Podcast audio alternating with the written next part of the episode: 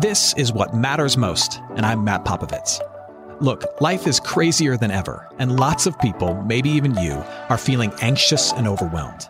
Today's message is designed to help you figure out what's most important and to experience the peace and joy that God intends for you. Because life is a gift, and it shouldn't be wasted on worry. I'd like to give you a resource, something to help you navigate the road ahead. Just go to mattpopovits.com, click on the icon, and we'll send it to you. That's Matt, P-O-P-O-V-I-T-S dot com.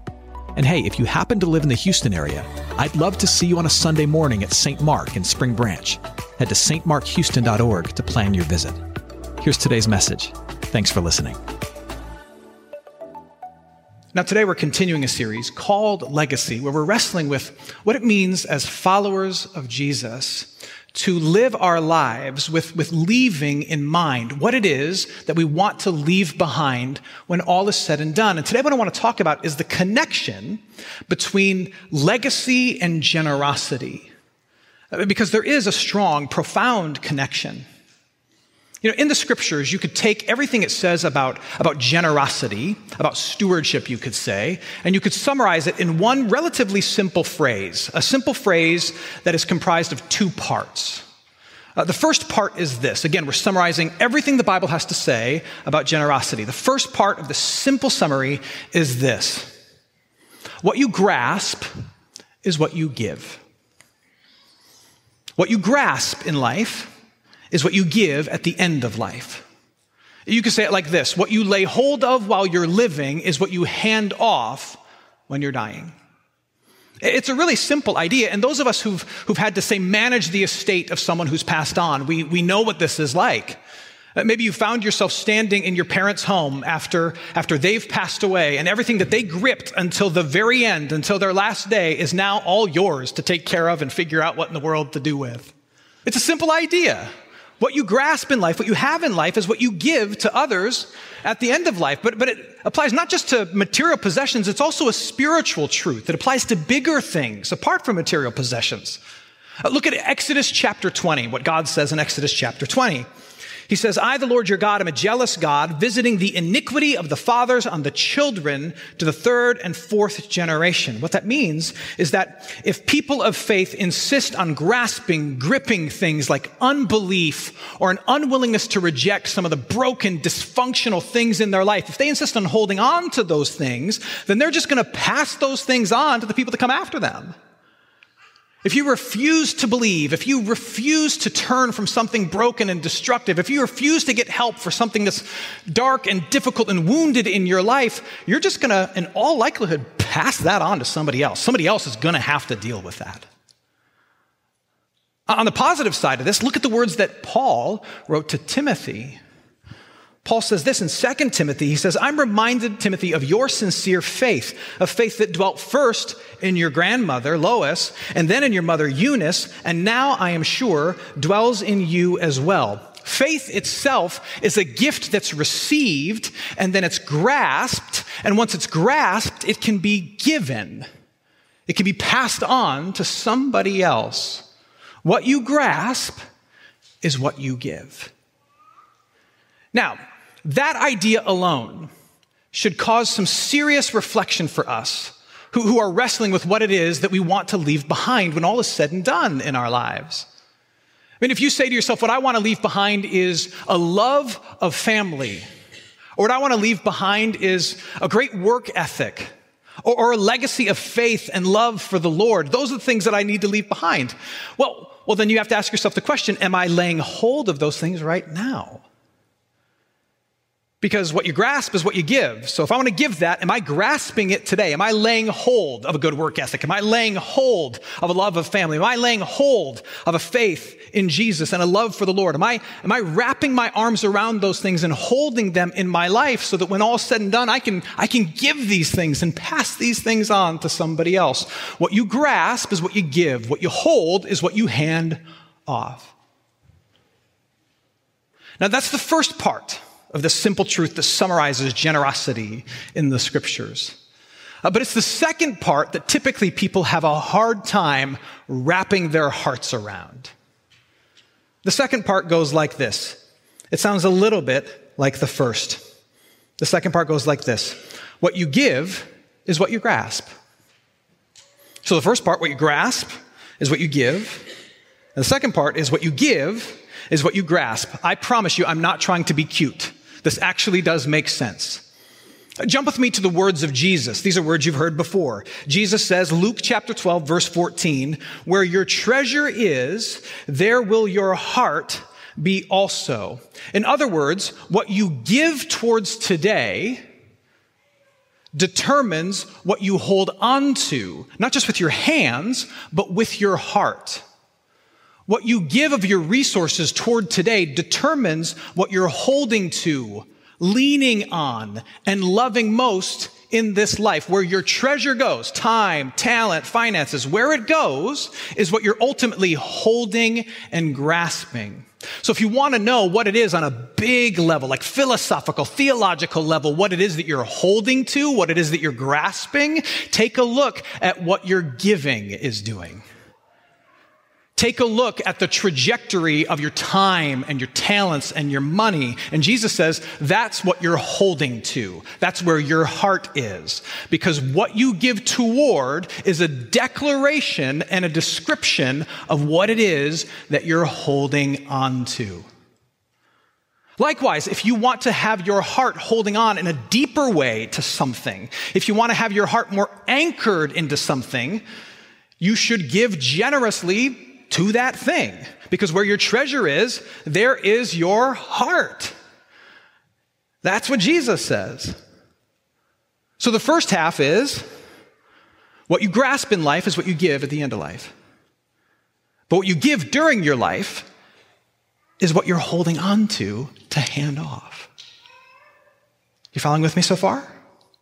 So now, again, for those of us who are wrestling with, okay, as a follower of Jesus, what should my legacy be? What should the kind of things be that I want to hand off when my time on this earth is done? What we have to do is, is wrestle with the implications of this. So again, if what you want to hand off is a love of family, if what you want to hand off is a love of neighbor and of those who are weak and in need, if what you want to hand off is a love of the things of God, then you have to ask yourself, am, am I giving toward these things so that I'm grasping them, holding them at a deep level?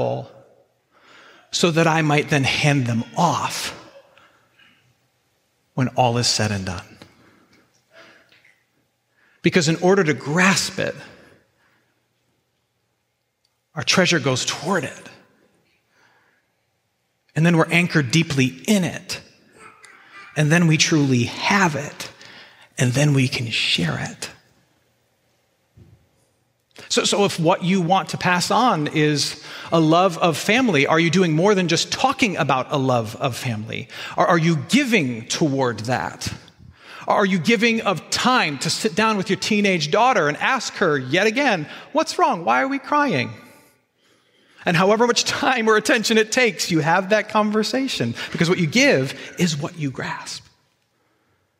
Are you sacrificing your, your energy and maybe even an ACL to, to wrestle on the floor with your seven year old son because that's the only thing he wants to do these days? He doesn't want to talk. He doesn't want to do anything other than wrestle with you, his dad, on the floor like crazy. Are you giving of your energy and your patience to wrestle with him on the floor and doing so, giving toward the love of family? Because if you want to grasp it, you give toward it and then you have it. That's how this works. You grasp what you give toward. If you want to lay hold of generosity towards those in need, are, are you giving generously to those in need? And that's how you grasp it and that's how you hold it. That's how you can also share it with others. And then the same is true with faith. If you want to pass on a love of the Lord, it, it's more than like hanging up cute little things in your kitchen that say, bless this mess. If you want to grasp this thing, you give of yourself toward this thing. You give of your time and your ego to like awkwardly lead your family through prayers. You, you give of some of your skills to, to serve the, the mission and the movement of bringing hope into this world. And, and yes, also you give of your treasure, you give of your money to the message and the movement of Jesus. And, when we do that, when we give towards these things, our hearts are more deeply anchored and rooted in these things.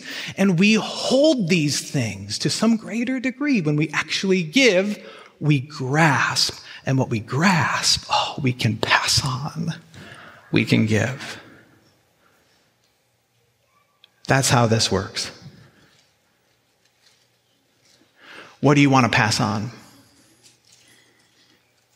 Are you giving toward it so you can grasp it, so you can hand it to the ones that matter most?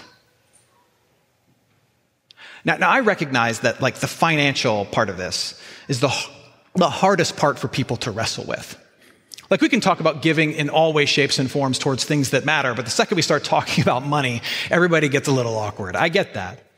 But the reason is simple. You know, money has always had this deceptive and um, crazy power in, in our lives as human beings. Throughout all time, throughout all cultures, money is a deceptive and powerful tool. In particular, the love of it. Which is why Jesus, who, who devotes about 15% of everything he says in some way, shape, and form to money or stuff, which is why Jesus saves some of his toughest teaching toward our understanding of money and wealth and what to do with it. So, for example, in, in the Gospel of Luke, chapter 12, verse 15, Jesus says this. Now, this is Jesus being really, really stern here. This is not meek and mild Jesus. This is Jesus near shouting. He says this Watch out! Watch out, be on guard. Watch out, be on guard against all kinds of greed. Now, why does Jesus have to say, hey, look, watch out, be careful, be actively engaged in not getting tripped up by money? Because the love of money and stuff is deceptive and sneaky and it messes with human beings. That's why Jesus is near shouting at his disciples saying, be wary, be ready, be on the lookout. You know, the love of money and the acquisition of wealth, it does two things to us primarily. Number one, it, it warps our view of self. And number two, it warps our view of what we have. It warps our view of self because typically when you get even a little bit of stuff, when you get even a little bit of wealth, and you might be saying, ooh, wealth, that's a word that doesn't apply to me. Look, if you've got a pulse and you live in the West, especially here in the US, you're wealthy, okay? On the grand scale of things, compared to what the vast majority of other people in the world have, you are the richest of the rich. Congratulations, you've made it to the top. What happens when we attain even a little bit of wealth is that it distorts our view of ourselves. What we tend to think, and you might not admit this, but, but it's true, when we get even a little bit of wealth, what happens is we start to think, I have a little more than somebody else because I am a little more than somebody else.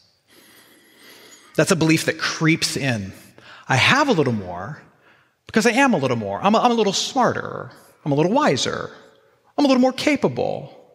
I'm worth a little more in my job, apparently, than they are in theirs. See how it sneaks in?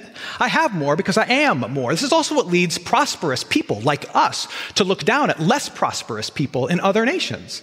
We think well, we have more because we're maybe a little more innovative or greater stewards or we're a little better. And by implication, they have less because they are. Uh oh, that goes to a dangerous place. But it happens. It warps our understanding of ourselves. And it also warps our understanding of what it is that we have. Because when we first start to make a little money and we get a little bit of stuff, we, we think to ourselves, man, I never thought I would be able to afford a house like this. And the house you get, the first house you buy, is a luxury. It's a luxury. But then two weeks go by and this luxury is all of a sudden a necessity. And you're thinking to yourself, I don't know how people do it. I could never live with less than five bedrooms. I could never do it. And what was five minutes ago a luxury is now a necessity. And you add luxury after luxury, telling it yourself it's a necessity until you then look at being charitable towards things that matter in this world. And you say, well, I have no room to give because of all of my necessities, forgetting that five minutes ago, all that is necessary was once a luxury. It warps your view of what you have. And so Jesus says, be careful. And it's why, it's why, it's why Paul says to Timothy, tell wealthy people to be on the lookout, to not get proud, and to be generous and ready to share. You know, what's interesting to me, to me, as a pastor is, you know, part of my job is people come to me and they confess all kinds of things, and then I shower them in the forgiveness of Jesus Christ. And so people will come to me and they will confess that they have an issue with lust or that they've committed adultery or that they are overflowing with bitterness and hatred towards someone that they should love. They'll confess all kinds of terrible things and God forgives them all. But in 16 years of pastoral ministry, you know what? No one has ever, ever, ever come to me and confessed. They've never come to me and confessed that they are greedy, ever. They've never come to me and said, you know what, I have a little too much, I want a little too much, I keep a little too much for myself. They never do. Because you know what? Greed is the one sin that think, everyone thinks is somebody else's problem. And yet it's the one that Jesus tends to talk about the most. Isn't that interesting? The one Jesus tends to talk about the most is the one that people tend to confess the least. Interesting how that works. And, and so, what is the antidote to, to greed if you're not willing to give towards things that matter so that you can grasp more deeply those things that matter and pass on the things that matter? The antidote to greed is huh, giving. It is. Uh, again, Paul to Timothy, Paul says this Tell the wealthy, our ears should perk up, you fellow rich folk. Tell the wealthy they are to do good, to be rich in good works. Here's the kicker to be generous with their wealth and ready to share. What Paul is saying here, and you see it more as he continues, what Paul is saying here is tell the wealthy people that as they increase in possessing, they should increase in giving. That's the antidote. I'd go so far as to say this. This is a quote from uh, a, a pastor and a, and a, friend that I know, uh, Dr. Tim Keller. He says this for people of faith, for people of faith, he says, the more successful you get as a person of faith, the more distance there should be between how you could live and how you do live. Between how you could live, given your bank account, given all your stuff, and how you do live, because you now value greater things. You value different things. And so, in order to possess those greater things, those different things, what do you do? You give towards those things because you want to possess these higher values. You want to be deeply rooted in these things. I say all this because the greatest barrier that may exist between your legacy and the life you're living today is our collective love of stuff and money that's keeping us from giving towards big things, grasping important things, and thereby handing on, passing on significant things. You got to wrestle with that. Because what you grasp in life is what you give at the end. But what you give towards in life is what you grasp. That's how God says it works. Hey, friends, it's Matt. If you're listening to us in Houston and you're looking for an excellent education in a Christian setting for your student, I'm inviting you to take a tour of St. Mark Lutheran School in Spring Branch. We serve infants through eighth grade with an excellent faculty, brand new facilities, and a faith forward curriculum. To schedule your tour, head to gostmark.org. That's G O S T M A R K dot org to schedule your tour today. St. Mark Lutheran School. It's excellent education for your son, your daughter, your little one. Now, back to today's message. Now, you might be asking, okay, Matt, I, I get all that, but, but where, does, where does Jesus come in in all this? Like, what does the cross of Jesus Christ have to do with all of this? And here's what the cross of Jesus Christ has to do with all this it has to do everything with this. Because it is the person and the work, the death, life, and resurrection of Jesus Christ that, that frees, enables, empowers, and urges us to let go of things so that we might possess the greatest things of God. You know, one of the reasons we clamor for all this temporary stuff and we give towards minor stuff and then we possess it and then in the end we go, I guess that wasn't worth possessing after all. The reason we give so desperately to those minor things is because we wrongly think that those minor secondary things are going to fulfill deep needs in our life. Because you know what you want? You want to feel peace. You know what you want? You want purpose. You know what you want? You want security. You want to be whole. You want to know that you matter. And so we give to all this stuff so we might possess that from work possess that from our kids or possess that from whatever selling online as I scroll Facebook and we hold it and we go, ah, I didn't get it. I didn't get it. I probably didn't buy the right thing. Let me buy this, possess that some now. Maybe I'll hold some peace. I'll hold some security. And you know what? It never, it never works out. But the promise of Jesus Christ is this that in him, through his perfect life for you, his sacrificial death that forgives you, his rise from the grave that breaks every chain, sin, death, all the bad stuff, given for you, that in Jesus Christ, you actually possess that which with all your possessions you could never attain. In Jesus Christ, you already possess that which with all your possessions you could never attain. You have peace, you have wholeness, you are loved, you are seen, you are eternal, you matter, you're secure through Jesus. Now you might be thinking, well, man, how do I, how do, how do I know that? Well, let's go back to the generosity principle that I just talked about. Uh, one of the things I said was, what you give toward is what you grasp. What you sacrifice for is what you actually hold and what you have. And what does the scriptures tell us if it tells us anything? It tells us that God the Father, what did he do? He gave. He gave. He gave his only son for you to live, die, and rise for you. You want to know why he did that? Why did he give toward you so that he might possess you and have you and hold you and love you and care for you. What you give toward is what you have and what you hold. And God the Father has given his son for you and he has you and he holds you and he loves you and you are free. What do you need to hold on to so desperately if he's holding on to you so lovingly? You are now free to let go towards big things, higher things, so that you might hold them and possess them, be rooted in them, and share them. We enter this world with hands that are, that are eager to grasp, eager to hold, and we spend our lives holding on to things, but in our last day, in our last breath, our hands finally open, and all the things we've been holding to, big things, small things, they fall to the ground, and then they get picked up by the people that we love, and they carry them forward. What are you holding to today that's going to hit the floor tomorrow and be picked up by the people who matter most?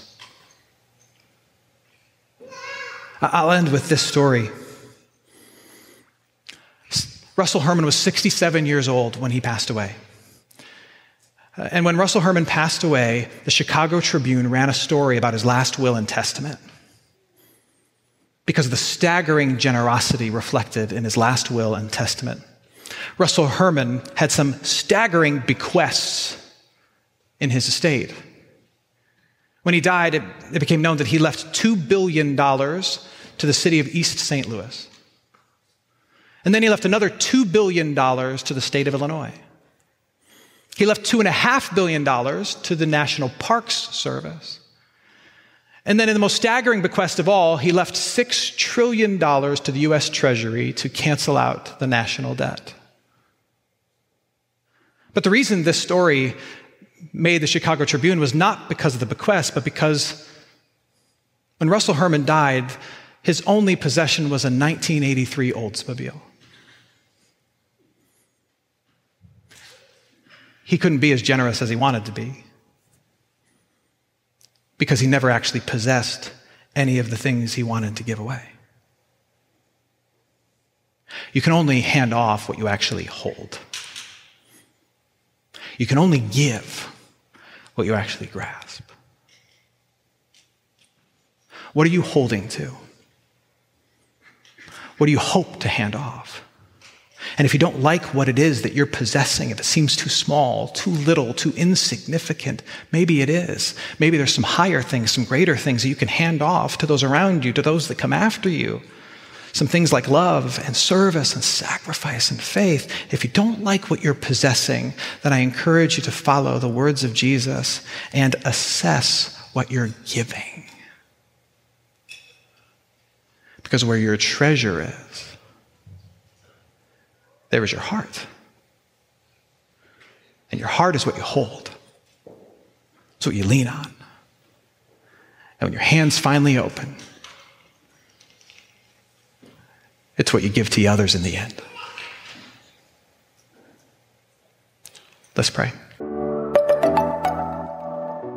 Hey, it's Matt. I hope you enjoyed what matters most. Here's what I need you to know life is a gift, and it shouldn't be wasted on worry. I want to help you figure out what's most important and to experience the peace and joy that God intends for you. So, for more content, you can head to mattpopovits.com. That's Matt, P O P O V I T S.com. There, you can also support this ministry as well as access your free resource, a little something to help you navigate the road ahead. I'd also love to see you on a Sunday morning. If you're in the Houston area, head to stmarkhouston.org to plan your visit. In the meantime, hit me up on Instagram at mpopovits or at facebook.com slash Matt Popovits Ministries. Thanks for listening. Now go and hold tight to what matters most.